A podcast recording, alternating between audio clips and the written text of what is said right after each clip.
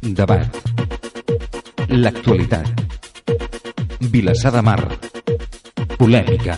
Vilassar Ràdio, serveis informatius. La tertúlia.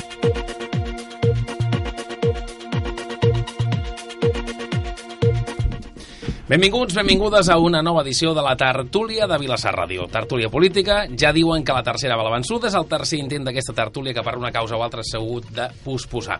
Saludem també els espectadors de la televisió privada de Vilassar de Mar, Vilassar Televisió, estan enregistrant aquesta tertúlia que podran veure els propers dies. En aquesta edició els demanem a les forces polítiques que tenen representació a l'Ajuntament de Vilassar de Mar que ens expliquin i debatin sobre la situació política derivada de la celebració del referèndum d'autodeterminació de Catalunya del passat 1 d'octubre, la conseqüent proclamació de la República, l'aplicació de l'article 155 de la Constitució i fins a les detencions de Jordi Cussart, Jordi Sánchez, presidents d'Òmnium Cultural i Assemblea Nacional Catalana respectivament, i la posterior marxa del president Puigdemont i part dels consellers cap a Brussel·les i la seguida detenció del vicepresident Junqueras i consellers i conselleres.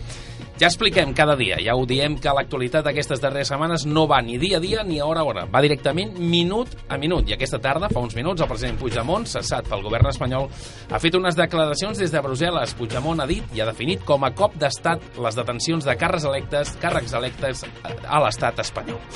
Puigdemont i els quatre consellers que són a Brussel·les han participat en l'acte reivindicatiu aquest vespre amb 200 alcaldes catalans per portar a Europa la denúncia de la persecució judicial contra les institucions catalanes.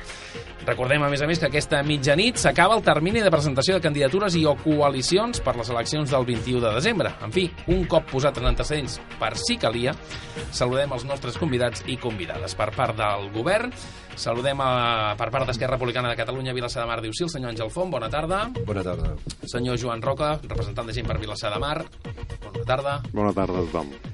Per part de Convergència i Unió, visita la ràdio avui, Laura Martínez, molt bona tarda. Hola, bona tarda. Per part de Vavor, Carla Soler, bona tarda. Bona tarda i llibertat presos polítics. Ciutadans ens visita el seu cap, el senyor Juan Díaz, bona tarda. Bona tarda, bones tardes. Per part de Vilassar, per partit dels socialistes de Catalunya, Alicia Rodríguez Luna, bona tarda. Bona tarda. I per part de Vilassar de Mar, diu sí que pot, si puede, Manuela Calera, bona tarda. Bona tarda. I també saludem avui a Olga Zuluaga, que en el passat ple va anunciar que abandonava el partit dels socialistes de Catalunya Vilassar de Mar i passava a ser regidora no escrita. Olga Zuluaga, bona tarda. Bona tarda. Senyors, senyores, com sempre, farem una primera exposició de dos minuts cadascun, sense interrupcions, i després, si ho desitgen, començarem el debat entre tots vostès. Avui és dimarts 5 de novembre del 2017, són les 8 i 5 de la tarda, comença la tertúlia política.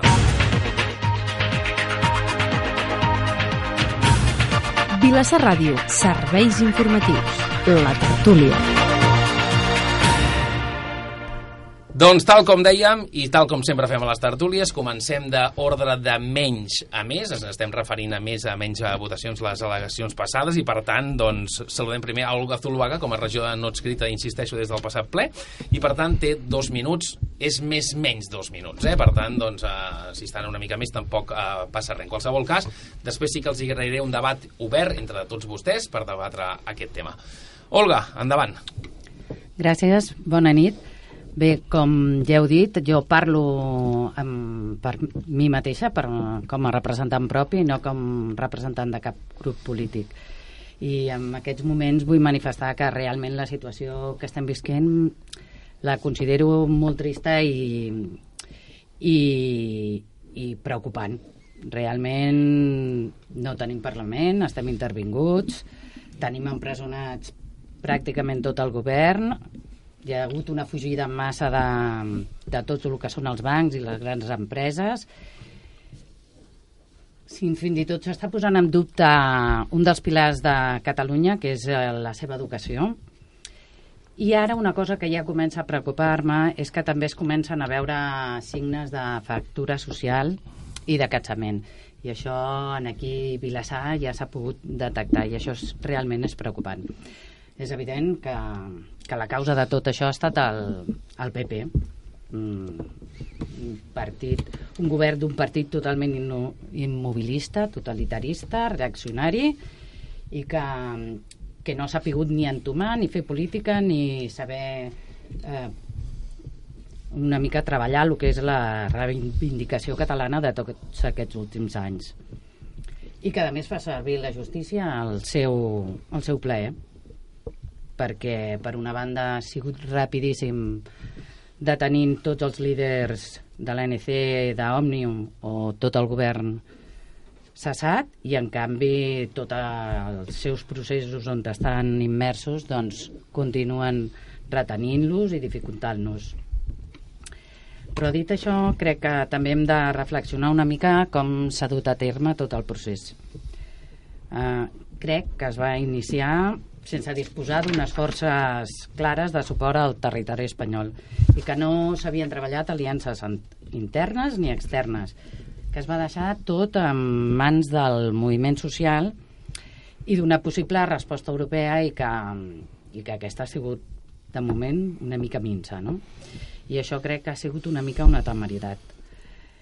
I també crec que, que no s'han valorat prou bé potser les conseqüències de les accions empreses a partir del 1 d'octubre. Crec que van haver-hi molts rèdits polítics, però que no s'han sapigut aprofitar prou. Molt bé, doncs uh, insisteixo, eh, dos minuts i escaig, dos minuts per fer un torn així, després podran parlar doncs, uh, tant com vulguin. Eh? Saludem doncs, a següent convidat, Manoli Calero, Vilassar de Mar, sí que pot, uh, si puede, endavant. Hola, ¿qué tal? Me gustaría mm, pensar que, que estamos en unos tiempos que, que esto servirá para, para un futuro mejor, pero la verdad es que tenemos un, un riesgo bastante grande y es evidente.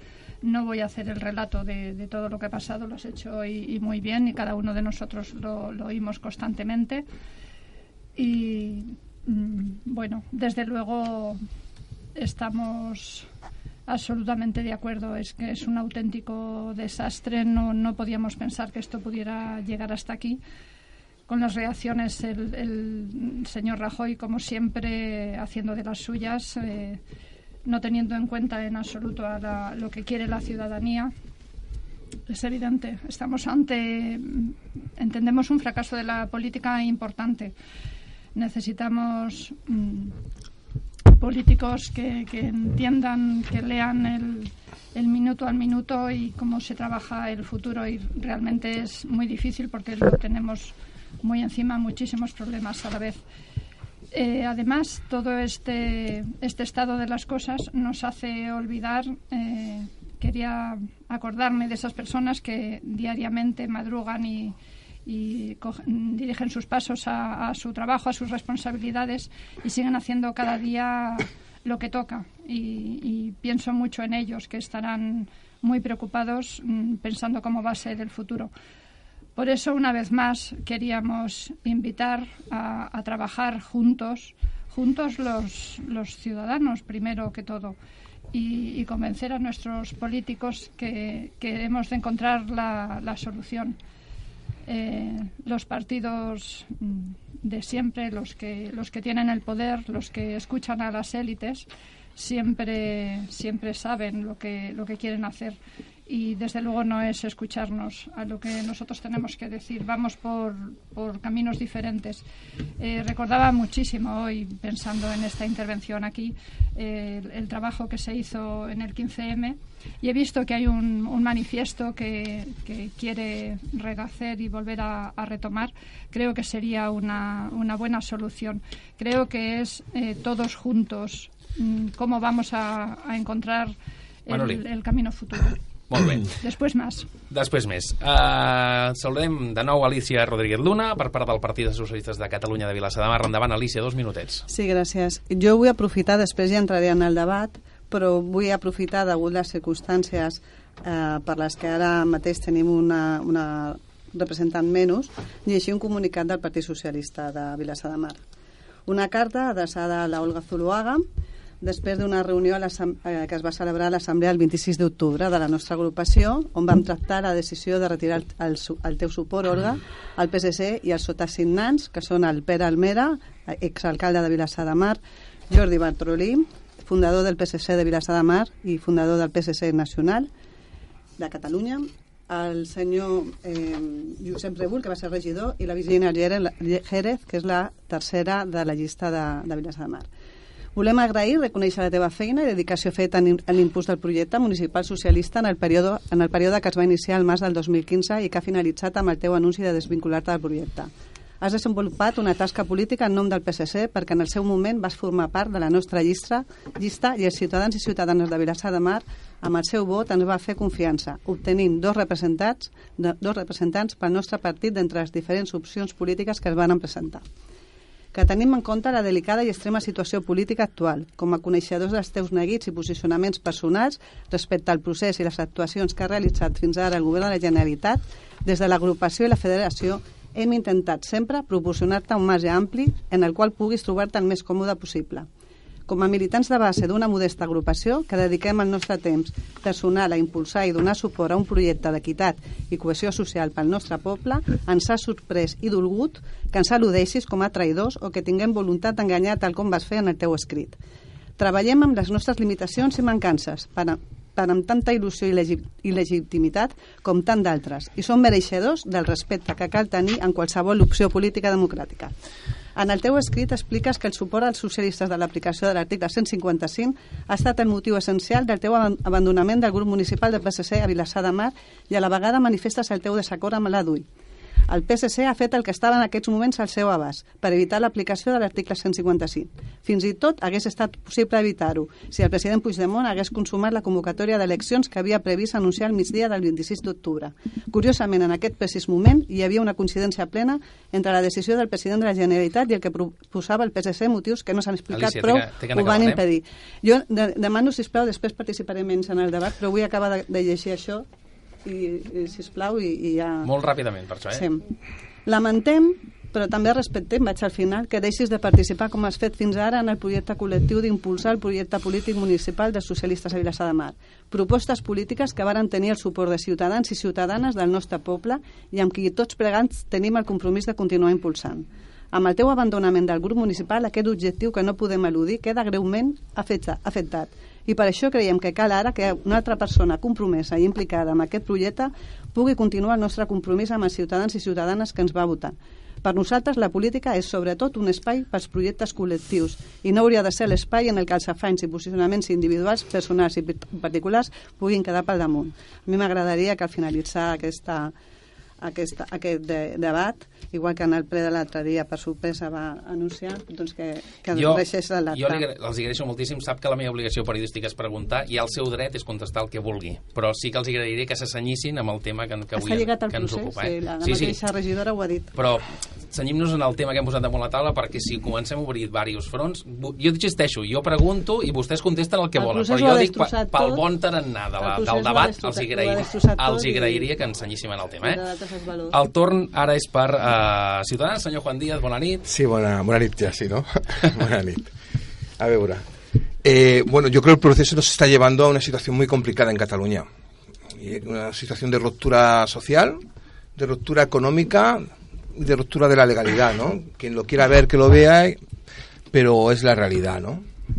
La realidad que palpamos todos los días. Y en, este, y en, es- y en esta situación, mm, los menos culpables eh, son los ciudadanos, ¿no? Los ciudadanos que tengan sentimientos independentistas, que lo hacen de buena fe, que, se manifiestan porque tienen esa, ese sentimiento, pero, pero, pero sí que es verdad que los políticos sí tienen mucha culpa de esta situación en la que nos encontramos, ¿no?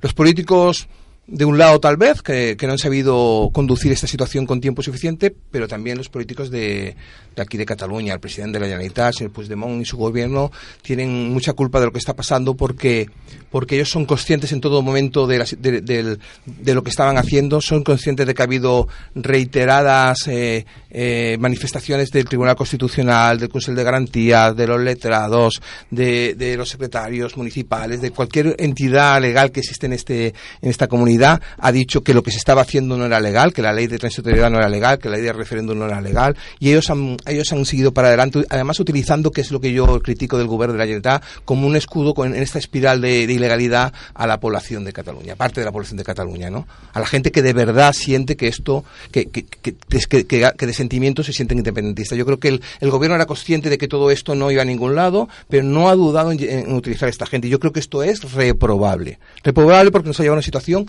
a un cul de saco, una situación sin salida actualmente. Eh, la, e- e- esta, esta situación y la aplicación a la 155 pues la pudo evitar el señor Puigdemont. Nosotros lo dijimos en el pleno anterior. Eh, Fuimos casi vaticinadores en nuestro argumento. Si el señor Puigdemont acepta las elecciones autonómicas, esto se va a parar. Pero es que además, además de lo sabía, de lo sabía, hubo una intermediación del gobierno vasco para que esto pasara. Lo iba a hacer ese, día, pero al final cedió a unas presiones más basadas en unos intereses espurios o particulares que en un interés realmente de Cataluña. ¿Es mejor la situación a- actualmente de Cataluña que la que teníamos antes de que Puigdemont se fuera a Bruselas? No, no es actual. Cada vez es peor y cada vez va peor. Por lo tanto, yo lo creo que, que lo que hay que retomar es la senda de la normalidad, de la legalidad y dentro de ella saber jugar las bazas que sean necesarias. Y, y- y- y, bueno, y, y yo creo que si conseguimos reconducir esta situación, pues volveremos a tener una Cataluña que será el referente en el resto del Estado. Molt bé, saludem de nou el representant de aquest cas, Carles Soler. Bona nit i endavant. Bona nit. Eh, bé, abans de res, a recordar que hi ha un seguit de persones que estan preses polítiques per qüestions de defensar bueno, les seves idees i una, ho ens podem plantejar perquè uns activistes que han fet manifestacions pacífiques durant tants anys i perquè un govern que l'únic que ha posat urnes, l'únic que ha fet és posar urnes a la presó o a Brussel·les i un govern governat per un, per un dels partits més corruptes d'Europa pues, estan lliures com estan no? Llavors també hem de recordar o almenys des de Bor eh, recolzem que Catalunya actualment té un govern legítim que va ser escollit de manera democràtica el, el 2015 i per qüestions d'aplicació 155 i repressió d'estat un, la meitat està empresonada i la meitat està a Brussel·les eh, però clar, com que això, com has dit tu, no? que cada minut canvia la situació, clar, fa quasi bé un mes, a l'1 d'octubre, que va haver aquí una participació, un referèndum per a la independència i que va guanyar. Va haver una mobilització de més de 2 milions de persones que van votar que sí al refre que sí a la república, que sí a la independència, i ens hem oblidat molt ràpid d'això. I recordem que eh, aquell 1 d'octubre va haver una gran repressió d'estat, policia i guàrdia civil, que va impedir que gent de manera pacífica pogués votar. I aquesta repressió no, no ha parat, sinó que també ha continuat amb la indecència d'un article 155 que l'han aplicat de manera il·legal, entenem, i el que ha suposat. Uh, I ha suposat que ens imposen unes eleccions pel dia 21 de desembre, però a sobre tenen la, la cara de dir que si segons quin resultat surtin, l'acceptaran o no. Avui mateix un portaveu del PP ho ha dit, que si qui guanya aquestes eleccions del 21D són els partits independentistes que seguiran aplicant el 155. Llavors, quines eleccions, de quines eleccions estem parlant? Ara bé, de tot això, eh, hi ha algunes coses que jo crec que hem de valorar molt i per això els hi fa por a aquests partits que encara defensen el règim del 78, que és l'autoorganització de la gent. Tot això ha hagut una mobilització de la gent que s'ha sabut eh, defensar, que s'ha sabut organitzar. Ara mateix hi ha més de 150 comitès de defensa de la República, comitès de defensa de, del referèndum que s'estan organitzant a nivell de cada poble per defensar el que l'1 d'octubre el poble va manifestar-se. I ho deixo aquí. Molt bé. Doncs uh, seguim ara mateix la representant de Convergència i Unió, Laura Martínez. De nou, bona nit, endavant. Hola, bona nit. Jo també volia començar amb un, amb un record pels, pels presos polítics i també pel govern legítim de Catalunya que en aquests moments es, es troba a l'exili. Uh, no sé ben bé per on començar, però començaré per, per la- l'afirmació que ha fet la representant, la Manoli Calero, la representant de Vilassar de Marc i Capot, que dit que estàvem aquí perquè els polítics no escolten a la ciutadania.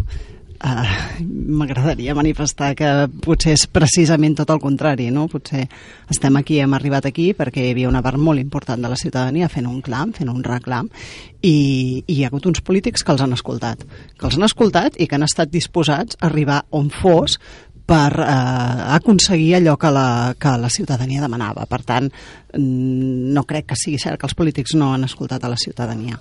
Però el que sí que és cert és que hi ha una part dels polítics que no han volgut escoltar què passava a Catalunya.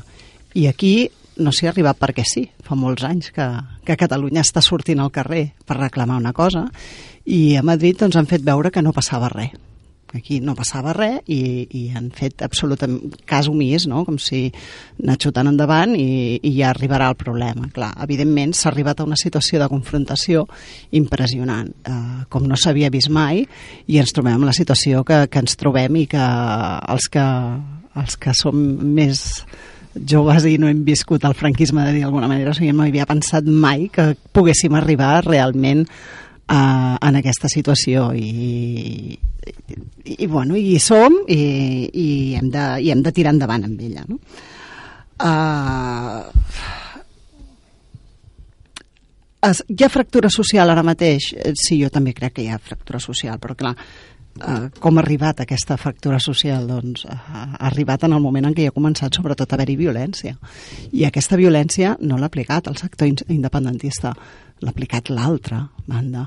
Uh, primer la policia, l'Estat, que, que és qui ens envia la policia, ens envia tots aquests policies que estan aquí i que, i que van fer aquestes accions tan violentes contra la ciutadania el dia 1 d'octubre, i després molts dels manifestants de la gent de carrer que s'estan manifestant actualment són els que estan provocant la violència. Llavors això pro- provoca fractura social, home, i tant. Eh, jo fins ara intentava ser molt respectuosa amb la gent que no pensava com jo, però en aquests moments on s'està aplicant violència de l'altra banda, costa molt, costa molt mantenir el respecte i no tenir aquest sentiment de rebuig. Gràcies. El torn ara és pel senyor Joan Roca, representant de gent per Vilassar de Mar. Endavant. Hola, gràcies, bona nit a tothom.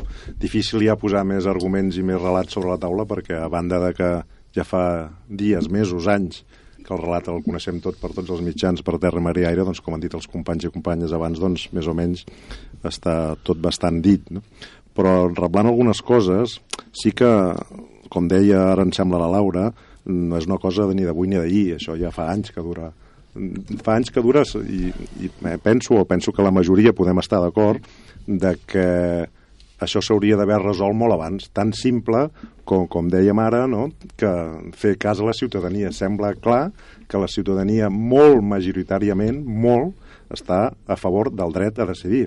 Doncs, carai, d'haver fet el referèndum pactat de torn en el seu moment a l'inici i segur, segur que no estaríem on estem ara, amb aquesta, sí, ja eh, violència, hi ha fractura, eh, etc. No? Per tant, crec, i aquí tothom hi té la seva part de culpa, i entre altres també, per descomptat, el PP la màquina de fer mm, independentistes més gran de la història, vull dir, qui ha, qui ha, ha posat més mili gent a militar a la causa independentista amb diferència ha sigut el PP, que gràcies a les seves polítiques, els seus, la seva opressió, la seva repressió i el seu no a tot, ha aconseguit que gent que mai ni s'ho havia plantejat el tema de l'independentisme ara són tan o més independentistes com els que ho eren de tota la vida. També cal posar en aquest sac eh, el Partit Socialista, no? des del famós apoyaré a l'Estatut del Zapatero fins a l'ara, fins al llibre Nos de Rajoy, d'aquí també el, el Partit Socialista hi té bona part de culpa, que, que com deia, em sembla que era Josep Pla, no hi ha res que s'assembli més a un, un polític espanyolista de dretes que un polític espanyolista d'esquerres, no? I tota la famosa, tota la famosa colla d'intel·lectuals i de gent d'esquerres i els de la ceja, els famosos de la ceja, no se'ls sent ni se'ls... Se, com deia aquell, ni se sabe on estan ni se les espera, no? No s'han manifestat, cosa que per altres temes eren molt beligerants i en aquest tema, del tema del cas català, no n'han dit ni piu, no? Cosa que jo particularment, i em sembla que molta gent, també trobem a faltar. I, i només, per afegir només eh, la famosa legalitat, que tot s'empara amb la legalitat, jo penso que cal, ser, cal tenir molt present que no, no confondre legalitat amb justícia, no? i no basar-nos en legalitats ja antigues que la majoria de la població d'avui ni ha votat ni està d'acord.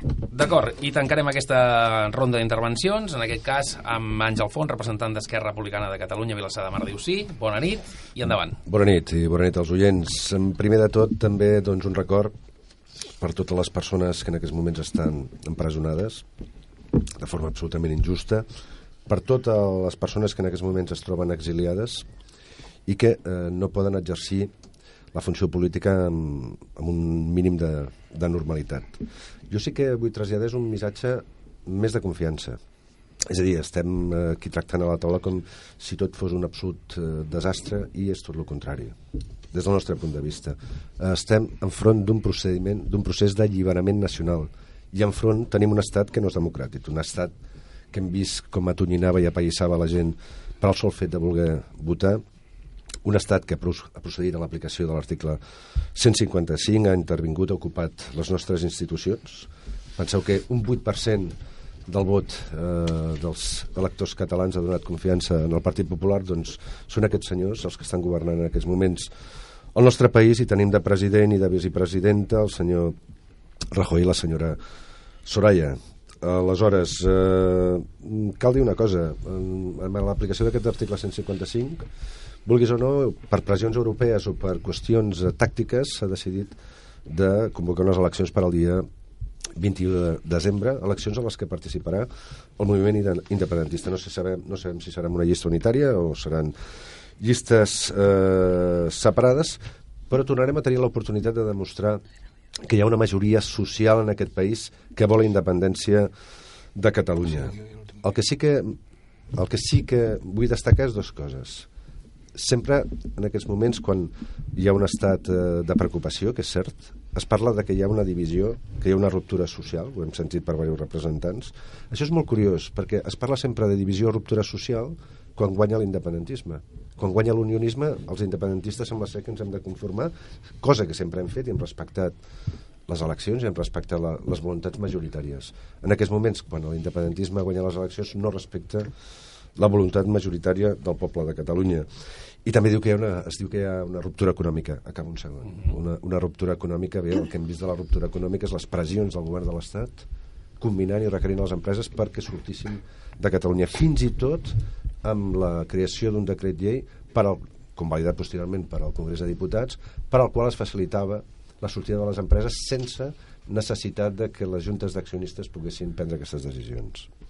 Per tant, confiança, seguim endavant i cridar la mobilització dels propers dies, demà amb una vaga general i les mobilitzacions que vindran Senyors, pròximament. senyores, la- Àngela Font acaba i veig moltes mans, cosa que m'agrada perquè per aquí d'aquí haurem el debat i, amics i amigues, minut escàs, arribem a dos quarts de nou, per tant tenim mitja horeta llarga per de, debatre.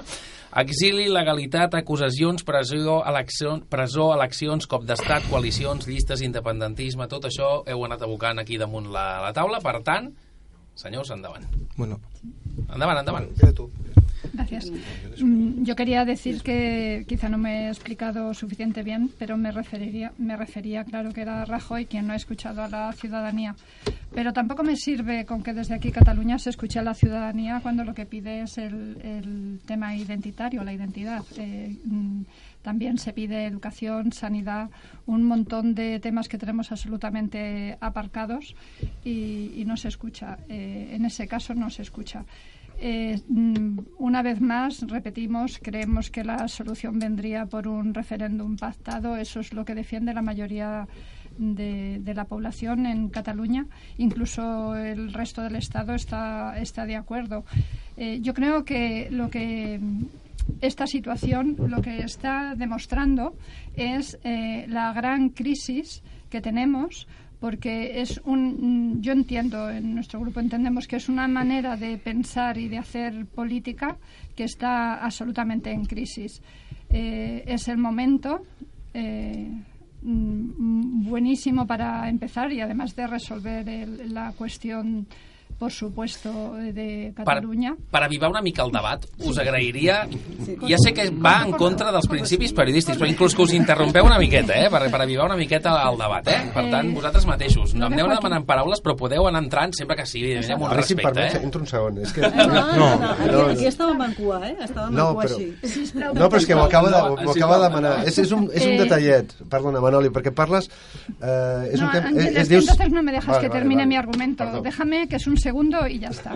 Eh, yo creo, yo creo que es el momento que además de, de, por supuesto, hablemos de, de territorio, hablemos de, de todos los demás temas, de qué modelo de sociedad queremos, cómo queremos relacionarnos, medio ambiente, eh, un montón de cuestiones, cómo participamos. mm, y lo dejo aquí, decidme.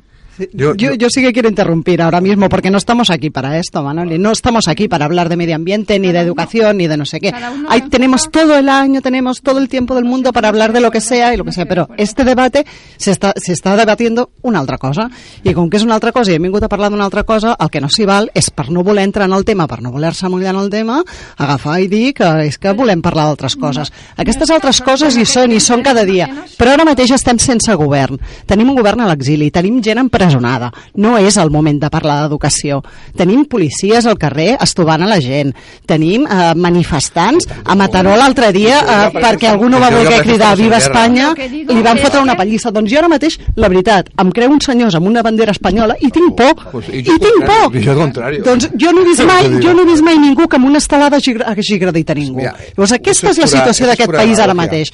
La resta vindrà quan vingui. Mira, Però permíteme- ara la no, situació és molt més preocupant que això. Aquí estem... Sí, sí, sí. No, jo és que... Perdoneu una cosa, fa de moderador el senyor Juan? No, tu, Faré perquè jo cada de vegada que moderador. parlar diu Faré no. jo No, perquè passem de Cada vegada. Bueno, pues. Per què cada vegada? Que es donen només les paraules perquè D'acord, no, no prefereixen que els hi donin les paraules, no? vegada. Doncs llavors els temps d'intervenció seran molt curtets, també els dic, eh? Si no, això seran petits monòlegs que no ens portaran enlloc. Juan, Bueno, no? cada vez para el señor Font, cada vez es una vez, porque es su manera de hablar, ¿no? Vamos a ver, eh, un par de cosas para aclararlas. Esto de que la- las elecciones, no, es que esto, Carlos, no, no está siendo... Carlas, Carlas. Carlas, no, Carlas no está siendo... Eh, eh, tú tienes que ser honesto en tu, en tu afirmación. No.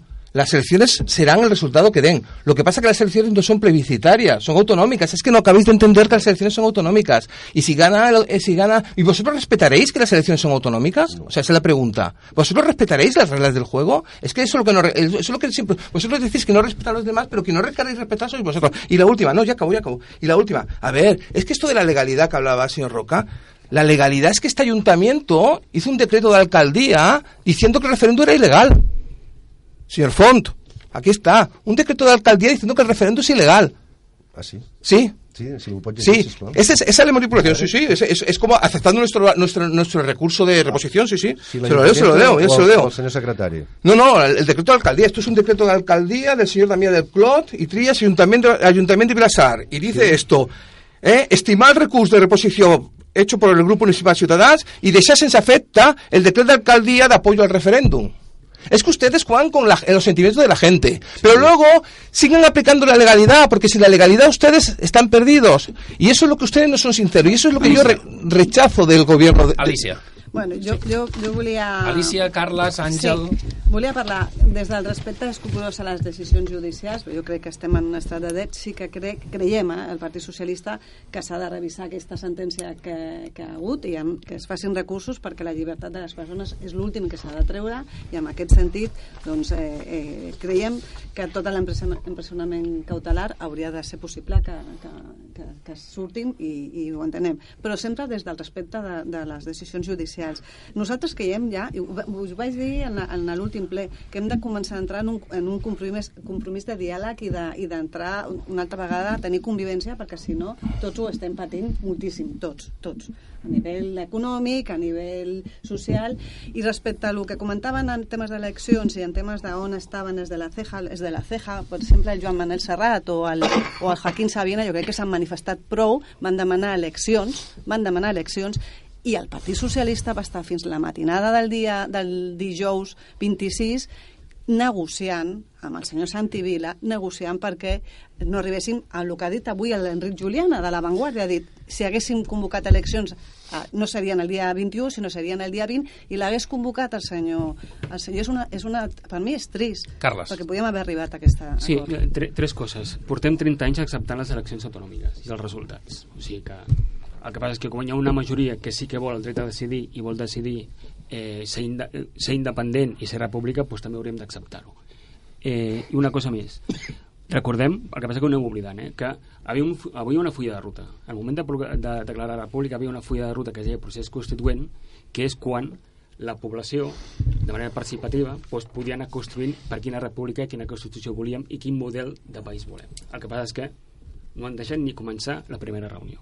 I després una cosa que hem passat per alt i és preocupant, i és que ha ressorgit el fantasma feixista amb moltes, amb moltes de les manifestacions que hi ha i amb moltes dels actes que hi ha no només a Catalunya, sinó a València, a Madrid, i jo crec que aquí sí que hem de ser, diguem-ne, molt, molt tajantes, és a dir, impedir que aquests grups feixistes campin a la lliurement. Perquè una es pregunta, eh, com nassos, dos activistes, els Jordis, estan a la presó que no han pagat mai a ningú i ara tinguem no sé quantes, cent i pico eh, de, eh, amb, amb, amb violències feixistes amb el DREMES i cap persona d'aquestes ha estat detinguda. Llavors, compte i sobretot aquesta gent que està organitzant aquestes manifestacions unionistes i espanyolistes que vigila la gent que s'introdueix perquè campen a la seva.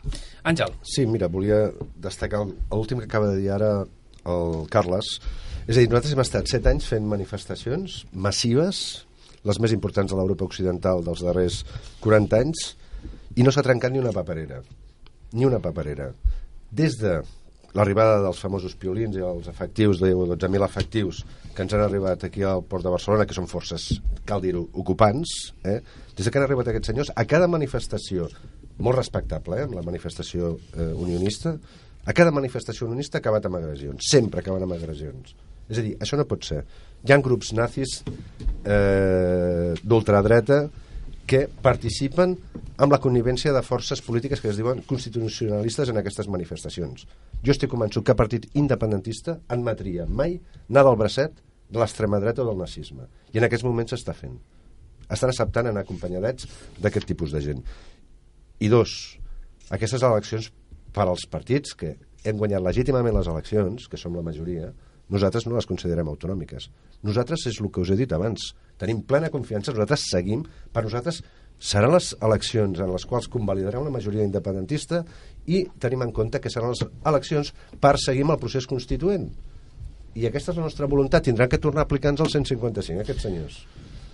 Bé, Ah, mm, Olga, Jo endavant, endavant, s'ha tancat el llum, no passa res. Eh, jo crec que, que un dels principals problemes el tenim sempre amb, amb el govern espanyol. El PP ha sigut un lligam, un lligam que ha impedit qualsevol acció eh, envers de, de poder reivindicar o tenir, dur a terme les reivindicacions catalanes. I sempre he trobat a faltar que no s'hagi fet un front comú contra el PP i que no s'hagin buscat les aliances necessàries per poder obrir una mica, perquè sempre he trobat que, que el govern de Catalunya o els partits independentistes s'han trobat una mica minsos amb les seves forces, quan en realitat m- el que haguéssim estat tot d'acord és, és en treure aquest govern del PP i començar a obrir una mica les, les possibilitats de, de canvi real perquè si no trobo que ens trobem amb aquest atzucac que ara, en aquest moment, jo sento dissentir de l'Àngel, però, però trobo que és eh, difícil, de difícil solució. Manoli. Una vez más se nos dice ambigüedad. No somos en absoluto ambiguos.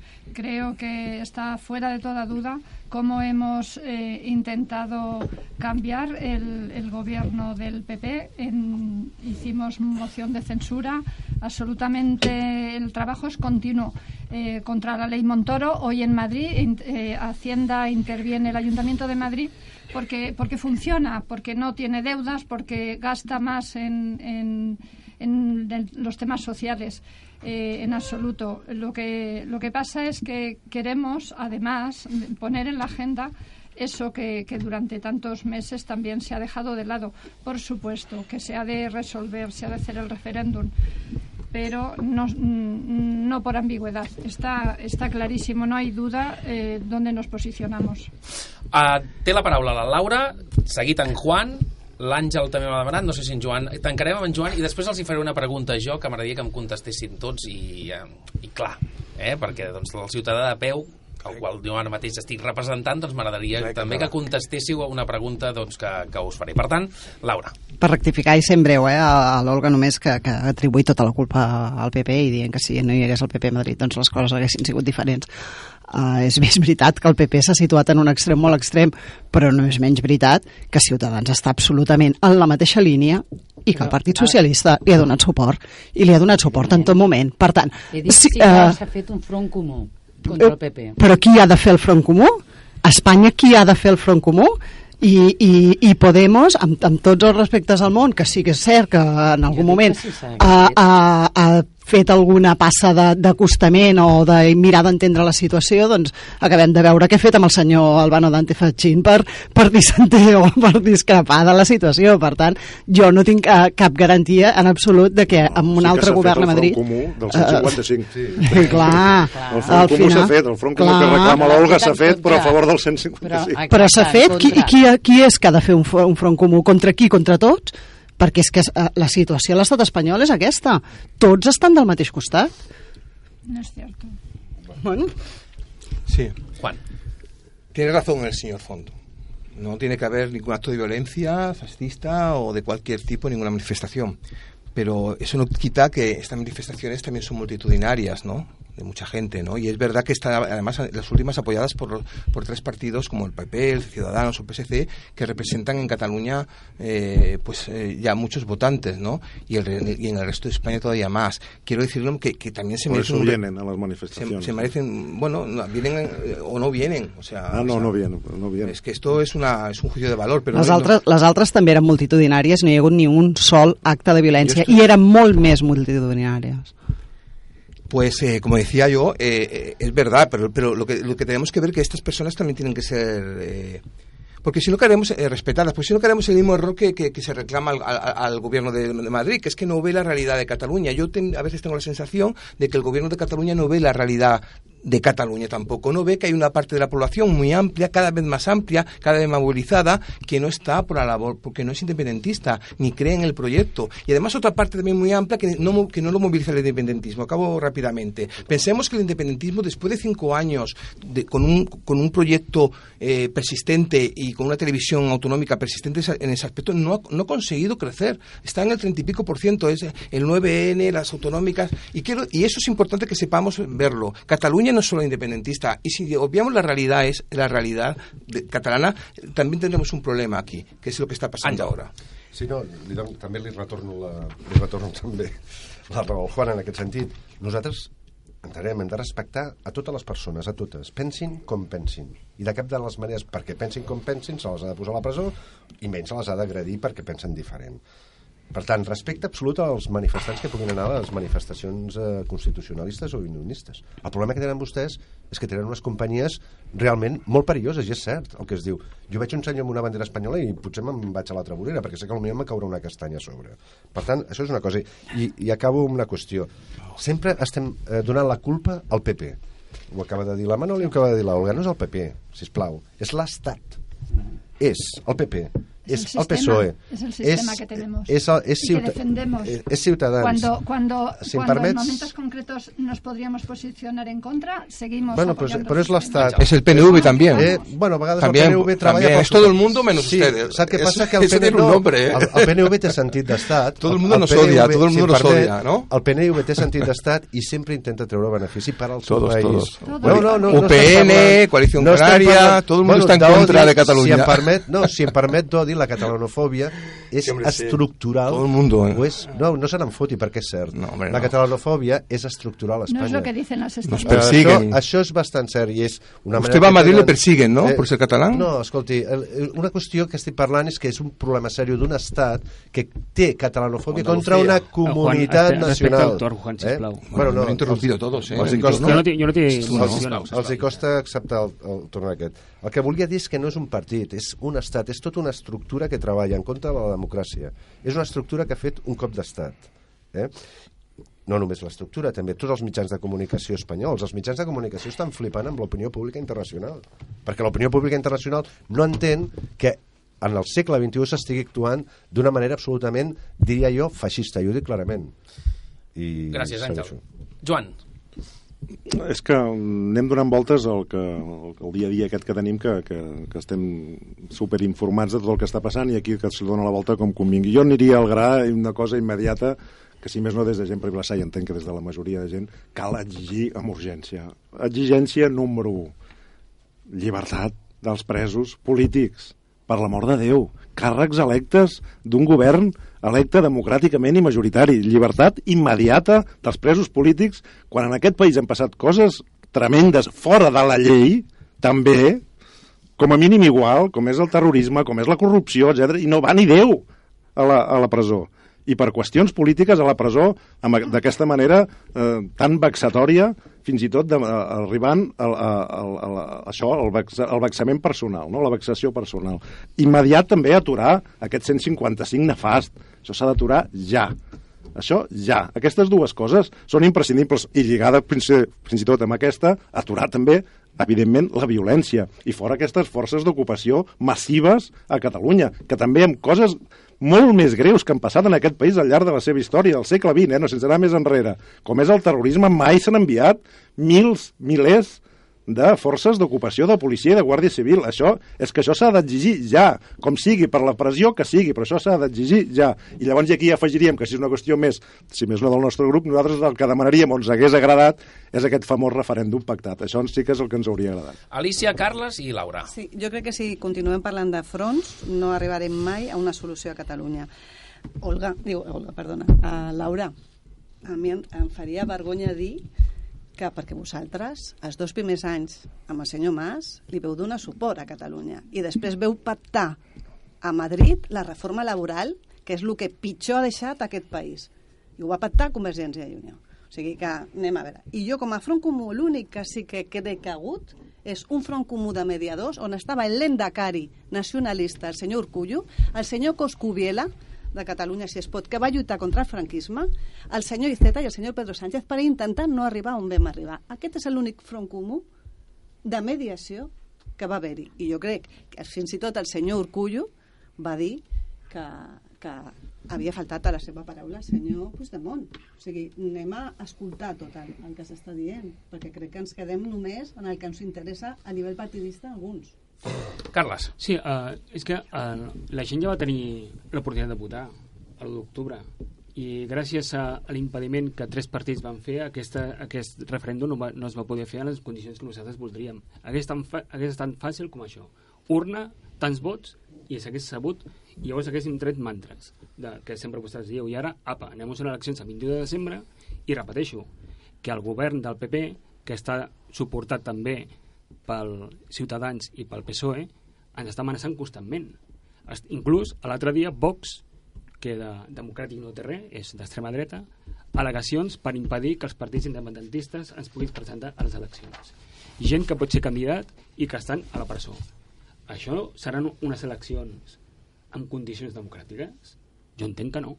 I llavors, a mi m'agradaria no parlar de fronts, però hi ha uns fronts que cada cop que un sector vol canviar certes sistema perquè no funciona, aquest sector, que és el sector que defensa el 78 i el règim del 78, que són aquests tres grans partits, PSOE, PP i Ciutadans, impedeixen fer tot això. Llavors, bueno, no fem fronts, però intenteu entendre que aquest sistema s'ha de canviar i des de baix. Laura. Sí, no, no, no entraré a, a contestar a l'Alicia en temes de reforma laboral i de més perquè tampoc són els temes que estem tocant avui i evidentment el joc democràtic i en les Si regles de parlem la de democràcia es comuns, pot, es de pot fronts comuns. pactar el que sigui en els temes concrets que sigui, només faltaria per la governabilitat del país.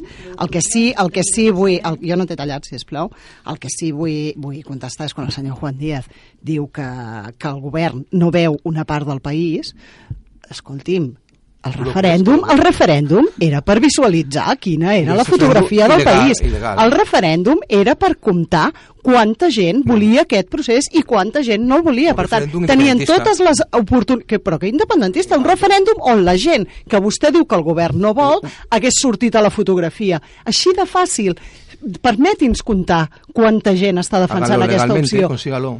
Escolti'm, Consígalo. escolti'm, quan vostè té la, la mà per decidir que no i ningú vol entrar a negociar que no, no em digui que ho fàssim legalment, tienen- podemos- perquè ja s'ha intentat favor, fer legalment, perquè ja s'ha intentat fer legalment. És més, el 9-N, que se li va dir, vam acabar dient que faríem una consulta, perquè una consulta sí era perfectament legal, va passar a ser il·legal simplement per la negativa del govern. Simplement per la negativa del govern, perquè no hi ha cap llei ni cap constitució ni res que, que, que prohibeixi fer una consulta a la ciutadania. I per tant allò va desdevenir il·legal finalment perquè el govern li va donar la gana, per res més. Àngel. Sí, bueno, és un apunt, eh? Un apunt en respecte de l'Alicia del PSC.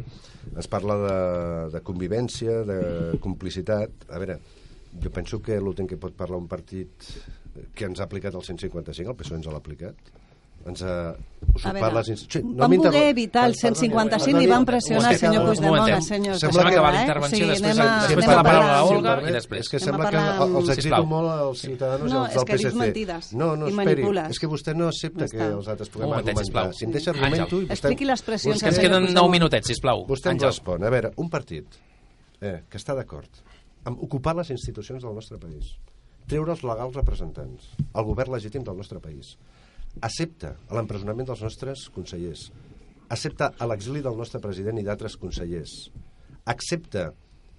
Per què no van acceptar la negociació, senyors a mi, d'Esquerra? Acabi, permet, acabi, sisplau. si em permet, És, És que està bueno, dient, està podria- dient podria- acusant Alicia, com estan fent des de fa entès. temps. Primer l'Àngel, després la Olga Sí, si em permet, acabo. És a dir, un, un partit que ha permès això, que això sí que realment Vostès ho és han permès. atacar... Vostès han atacar... aplicat el 155. Alicia, sisplau.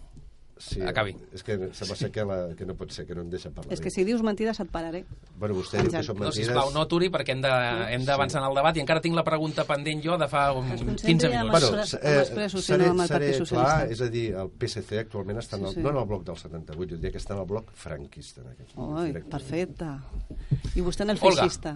Bé, jo crec que, que bé, que s'han exposat tots, eh, tots els fets que hi han. Evidentment, eh, estem tots en contra de que estiguin empresonats una sèrie de gent que, que no han fet res per estar-hi i que crec que potser ha arribat l'hora també de buscar objectius potser un, en aquest moment no a llarg termini, però sí a curt termini una mica més, més, més poc ambiciosos. A llarg termini, evidentment, molt ambiciosos, però per sortir d'aquest moment on estem, avui s'ha ha sortit una declaració, un manifest demanant, doncs, evidentment, la sortida dels presos polítics, eh, que s'aturi l'aplicació del 155 i un referèndum pactat. Jo crec que hauríem de partir d'aquesta base i començar de nou tot un treball. Molt bé, el 21 de desembre, suposo, dijous 21 de desembre, anirem a les, a les urnes. Avui a mitjanit, ho dèiem al començament, doncs s'ha- s'han d'acabar de presentar doncs, les candidatures, les, les possibles coalicions o no que hi puguin haver. La pregunta que els faig jo, com a ciutadà de peu, m'agradaria que en contestessin tots. És a dir, poden haver-hi dues possibilitats. Una, que guanyin les forces que porten en el seu programa l'independentisme. La meva pregunta és, si guanyen les forces que independents i obertament independentistes, es deixarà continuar amb el procés? Si guanyen les forces, en aquest cas anomenades constitucionalistes, s'ha acabat el procés? Senyors, És que contestin. em sembla que la resposta no l'hem de contestar nosaltres. Eh? Per, molt No, que, di, jo per molt que diem aquí, la No, no, resposta està aquí feta hi ha forces, i està feta. Aquí hi ha ja. forces obertament independentistes. Sí, sí, però... I si, si guanyen els constitucionalistes, els independentistes diuen doncs eh, s'ha acabat el procés no. i per altra Home. banda, els que esteu representant forces constitucionalistes creieu que si guanyen les forces, majories independentistes, se seguirà amb aquest Ja procés? dit, Jaume, A ver, això yo ja creo s'ha que si el, si el proceso, el- lo que llamamos procés, ¿no? La- es, es legítimo eh, desear la independencia, es legítimo desear un referéndum, todo eso es legítimo. Lo que es, lo que- desde nuestro punto de vista, lo que no es eh, legítimo es intentarlo hacer por caminos no previstos para, en la legalidad de todos, de todos los ciudadanos. Los ciudadanos, seamos de, de, de, eh, independentistas o no, tenemos la misma En legalidad. qualsevol cas, les eleccions seran legals. Y por lo tanto, sí, pero si- si- eh, cuando me dices, ¿podrá, ¿podrá seguirse el proceso? Bueno, si los independentistas quieren seguir intentándolo, pues dentro de la legalidad que lo intenten. Tornem pero, pero, a la pero, pero la legalidad, 78. pero claro, hay que cumplir con la legalidad, que significa conseguir, conseguir, déjame- conseguir acuerdos con los gobiernos de España, con los, las mayorías de España, para conseguir cambiar la Constitución y llegar a, a su fin. Mientras tanto, serán unas elecciones autonómicas, que es lo que me preguntaba, y las ganará, pues que las tenga que ganar, y tendrá que formar un gobierno autonómico, el, aquel que las gane, y nada más. Uh, jo crec que la resposta és molt senzilla. Eh? Respectarem el resultat si guanyen les forces unionistes i respectarem el resultat si guanyen les forces independentistes. Això és democràcia. Qualsevol altra opinió no és democràcia. És imposar una ideologia, una manera de veure la, el país i imposant als altres la seva decisió, perquè si no guanyo jo, tu no podràs portar a la pràctica el teu programa electoral. Això no és democràcia. Àngel, uh, Carles. Bueno, jo crec que estem en una altra fase que és defensar la república. Eh, i llavors, les, la, les eleccions del 21D hi haurà gent que ho plantejarà com eleccions autonòmiques i hi haurà gent que ho entendrem com ele- eleccions constituents o vés a saber què. Llavors, bueno, ja el que passa és que eh, ja, ja estem cansats de que sempre diuen el mateix. De Catalunya és un país, guanyarà, pot guanyar unes eleccions si guanya les, eleccions eh, amb independentistes, però sempre estem el mateix. S'ha de canviar la Constitució, però és que tornem 30 anys enrere. Per canviar aquesta Constitució necessitem unes forces polítiques espanyoles que no creuen en aquest procés i estem d'una altra manera el mateix. Per tant, endavant amb aquest procés constituent, defensar la república i abans de que se m'acabi el temps, que demà ja ha convocat una vaga, si és que no l'han desconvocat i, a, a, última hora, però en principi està convocada, Fa 55 minuts? no, estava. és l'últim que, que he mirat i no està. No sé si els que- companys em que és poden una manera també de eh? mobilitzar-nos a la gent de manera pacífica. Demà hi ha una vaga general convocada, sobretot eh, que és, va enfocada a, a dues coses, eh? sobretot a demanar el que estaven dient abans, exigim l'alliberament dels presos polítics i també que ens treguin l'article 155 i que les eleccions que es donen el 21 de desembre siguin el més democràtiques possibles, que crec que no, ven, no anem per bon camí. Manoli. Yo creo que efectivamente, eh, sí o sí, pase lo que pase, eh, se va a iniciar un proceso constituyente eh, no solo en Cataluña, en todo el Estado. En Cataluña pasará lo que, lo que los que aquí decidan, lo que se vote, lo que la gente quiera, porque yo creo efectivamente que se va a conseguir un referéndum pactado y con todas las garantías y pasará lo que la gente decida en ese referéndum. Pero eh, igualmente eh, se iniciará un proceso constituyente aquí en Cataluña, en el resto del Estado, y ojalá que, que consigam- consigamos unir fuerzas para que el sistema cambie, para que nunca más nadie tenga que ir a prisión por sus ideas, porque eh, desde luego que, estos días ha sido eh, horroroso y alucinante, pero hace mucho tiempo tenemos la ley Mordaza, que personas por manifestarse están yendo a prisión. Hace mucho que está pasando. Olga, Alicia i Joan i Laura. Ja acabem, eh? Olga. Mm, Bé, jo no sé què, què passarà. No, tal com van les coses, no sé ni preveure el futur, però sí que el que espero és que surti el que surti, es respecti i es tiri endavant. Alicia. Sí, jo, evidentment que s'ha de respectar els resultats, Àngel, però previ s'ha de respectar també els adversaris polítics que es presenten a les eleccions. Jo crec que això Esquerra no ho està fent. I prova és el que has fet avui, i prova és el que esteu fent a Twitter, i prova és el que esteu fent a les seus eh, dels, del Partit Socialista, allà on, on hi podeu eh, posar mal. Respecte al procés, jo crec que tal com s'ha fet els últims anys ja s'ha acabat el procés, en el moment en què no hi ha hagut cap reconeixement internacional de, de, que, de, de, de tot aquest procés. Cap, cap reconeixement internacional. I jo crec que, com deia avui el senyor Roca Junyent, ha dit en un, en, s'haurà de tornar a començar. Amb molta tristor i molta decepció per molta gent, però haurem de tornar a començar tots. Joan. Per acabar i una mica seguint el fil de l'intent d'inici de, de, de la teva pregunta, que jo, desgraciadament, penso que sí que passarà l'endemà de les eleccions, perquè ja en tenim la prova, de, perquè ja ho avancen, no? segons quins partits ja avancen, que en funció del resultat serà. No? Dir, això ja no cal ser, no cal ser gaire pitonisso per saber-ho, perquè ja ho han avançat. En cas de que guanyin uns, passarà això. Ja l'amenaça ja està posada. Per tant, no queda altre remei que, per resumir-ho molt ràpid, anar a votar en massa tothom tant com pugui.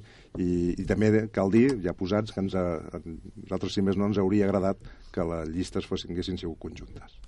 Veurem què és el que passa al mitjanit. Me'n diuen que a les 9 menys un minut encara no hi ha absolutament res, ni el Tribunal Superior de Justícia de Catalunya ha contestat el recurs eh, en què es demanà que demà se suspengués la vaga, per tant, a les 9 del vespre estem igual que fa una hora, que és que hem vist. Laura, tancarà el torn. Sí, tancaré també amb el, amb el tema del 21 de desembre. Jo crec que si, si guanyessin les forces unionistes, en aquest cas, eh, hauríem d'acceptar aquest d'això, però el procés no s'acaba. Seguirem treballant, seguirem treballant per eixamplar la base i tornar-hi tornar-hi d'aquí un temps, i quan la base sigui més àmplia. Per tant, el procés eh, continuarà sí o sí. El que passa és que el que no farem és no respectar un, un, uns resultats d'unes urnes perquè eh, és el que hem de fer, respectar-los sempre, perquè és la democràcia i és, i és el resultat de la voluntat popular.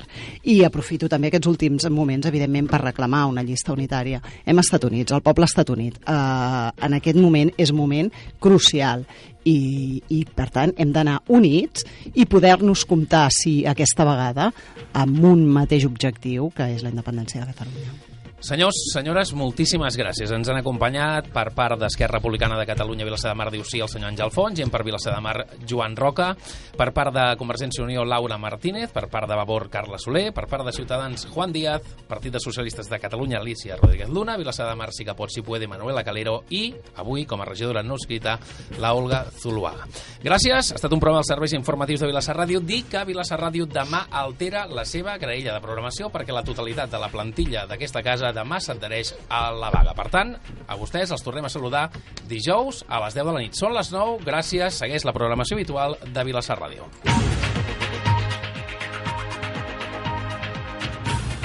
Vilassar Ràdio, serveis informatius. La tertúlia.